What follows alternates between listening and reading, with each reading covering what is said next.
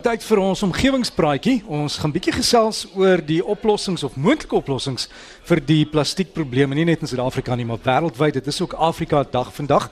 So ons wil ons omgewing mooi en skoon hou. Ons sluit aan by Noordwes Universiteit se professor Johan Neyselje. Goeiemôre Johan en groete hier uit Pietermaritzburg.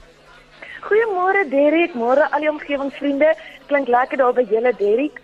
Ehm um, maar nou ja, soos jy sê, die plastiek debat het voortgegaan hierdie week nogal heelwat reaksie ontlok.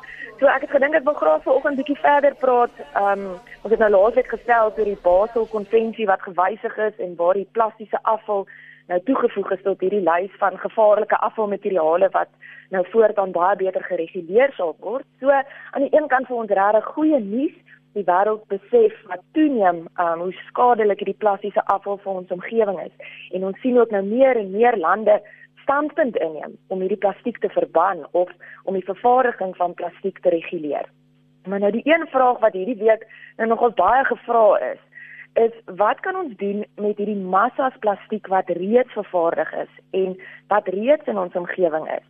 En op die stadium is die realiteit steeds dat die tempo waarteen plastiek vervaardig word steeds baie vinniger is as die tempo waarteen plastiek afgebreek of herwin kan word. So, ons kan eintlik sê ons plastiekprobleem groei daagliks. Maar al word al hierdie vervaardiging van plastiek dadelik gestop, sal ons plastiekprobleem nie oornag net verdwyn nie, want daar lê reeds hierdie tonne plastiek in ons omgewing. So hoe raak ons nou ontslae van hierdie plastiek? Nou ja, die wetenskap en die tegnologie is besig om te help in hierdie poging deur metodes te ondersoek wat die degenereringsproses van plastiek kan versnel. En daar is regtig reeds baie vordering gemaak.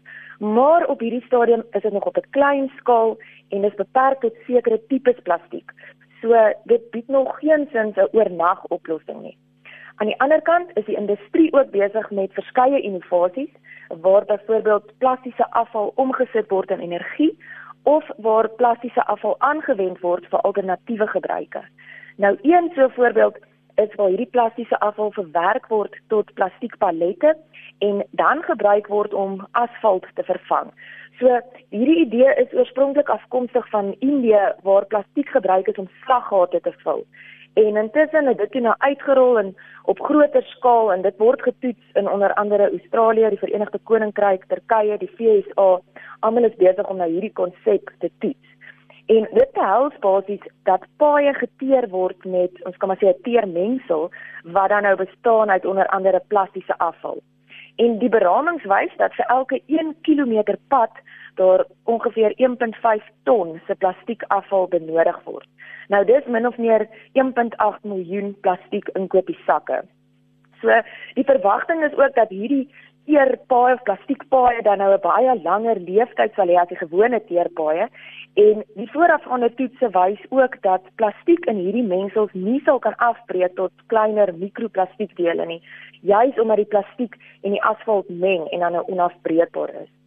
Maar in dieselfde asem moet mens nou ook sê dat hierdie projekte is nog nie op groot skaal getoets nie. So op hierdie stadium is dit ook maar nog um eksperimenteel.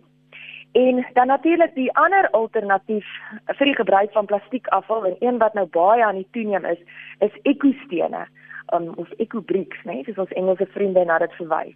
Nou 'n ekosteen is basies 'n 2 liter plastiekbottel wat gevul is met verskillende tipe plastiese afval. So dis nou van lekker goed papiere tot strooitjies tot opgesnyde plastieksakke en dit word dan nou baie goed saamgepers binne in hierdie bottel sodat die bottel kliphard word vanuit die plastiek. En dit word dan nou basies gebruik as 'n steen vir die bou van verskeie strukture. En ons sien reg oor Suid-Afrika hoe die maak van ekostene toeneem en hoe hierdie projekte werklik bygedra het daartoe dat mense, uh, veral ons jeug en ons kinders, baie meer betrokke geraak het by herwinning. Leerik en ek dink enige maatreel om plastiek uit die omgewing te verwyder, moet natuurlik aangemoedig word. Maar as dit by ekostene kom, dan is daar nou ook 'n negatiewe kant waarvan ons nie altyd so bewus is nie. Um en ek het die week gaan aanklop by professor Henk Bouman. Hy is die kenner op die gebied van mikroplastiek en professor Kobus van der Walt, ons voormalige omgewingpraatjie aanbieder. En beide van hulle stem saam dat ekostene bied tans vir ons 'n lae koste en 'n maklik bekombare boumateriaal Maar dit is moontlik dat ons 'n groter probleem vir die toekoms skep. So aan die eerste in die eerste plek is daar nog glad nie genoegsame bewyse van hoe veilig hierdie ekostene is nie. Byvoorbeeld die rommel wat in hierdie bottels gestop word, kan later ontbind en kan dan gevaarlike gasse vrystel. En hierdie gasse kan selfs uit die plastiekbottel ontsnap. Um selfs ongeopende en geseelde bottels sal onder druk gas verloor. En hierdie gasse kan dan baie skadelik wees vir mense en vir die omgewing. En dan tweedens is ekostene um dieselfde as die paaie wat van plastiek gemaak word, is is dit afhanklik van plastiekafval. So na mate ons meer ekostene gaan benodig of selfs meer plastiekafval vir ons paaie gaan benodig, gaan ons meer plastiek afval genereer. So dit is kontrasterend met waarin die wêreld nou wil beweeg ten opsigte van plastiekvervaardiging. So ja, ons het in 1907 die plastiek ontdek is, het ons gedink dis hierdie wondermateriaal en vandag 110 jaar later sien ons hierdie nagmerrie wat plastiek vir die aarde geword het. So in dieselfde manier moet ons nou ook krities dink oor ons korttermyn oplossings en die moontlike langtermyn gevolge. Maar dan natuurlik die ander realiteit is direk dat plastiek is tans steeds 'n goedkoop oplossing vir baie gebruike en in sommige gevalle is daar regtig nog nie 'n ekonomiese alternatief beskikbaar nie. Uh, Proven gee byvoorbeeld, um, hy noem die voorbeeld van 'n pasaangeer wat onder andere van plastiek gemaak is. En ons het selfs vorige keer gepraat oor vlei lande en plastiek wat gebruik word om besoedeling van grondwater te voorkom, veral dan nou by afvalwater en waar byvoorbeeld die departement van omgewingsake hierdie plastiek voorskryf. So op die oomblik speel plastiek nog regtig 'n baie groot rol in ons samelewing.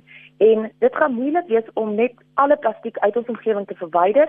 Dit gaan tyd neem en dit gaan toewyding neem van verskeie rol um, rolspelers in ons omgewing. Maar as genoem gedagte vandag Ek dink die antwoord in die oplossing van hierdie massa eh, plastiekprobleem lê waarskynlik in die hergebruik van items en die herwinning van items wat beteken sortering en die verwerking van plastiek tot ander produkte maar waar ons terselfdertyd afskaal op die plastiekafval en nie afhanklik daarvan word vir ons korttermyn oplossings nie. Dan aan een kant herwin wat reeds bestaan en dan aan die ander kant ophou om plastiekafval te genereer. Asse Jonay, baie dankie vir daai boodskap en goeie Afrika dag vir jou. Baie dankie Derrick, selfs vir julle geniete daai kant. ons maak so baie dankie en dit was ons omgewingspraatjie saam met professor Johan Heiselje van Noordwes Universiteit. Onthou die e-pos as jy wil bydra, dalk 'n vraag het, is omgewingspraatjies by gmail.com. Daar's ook 'n Facebook bladsy omgewingspraatjies met al die inligting en ander inligting.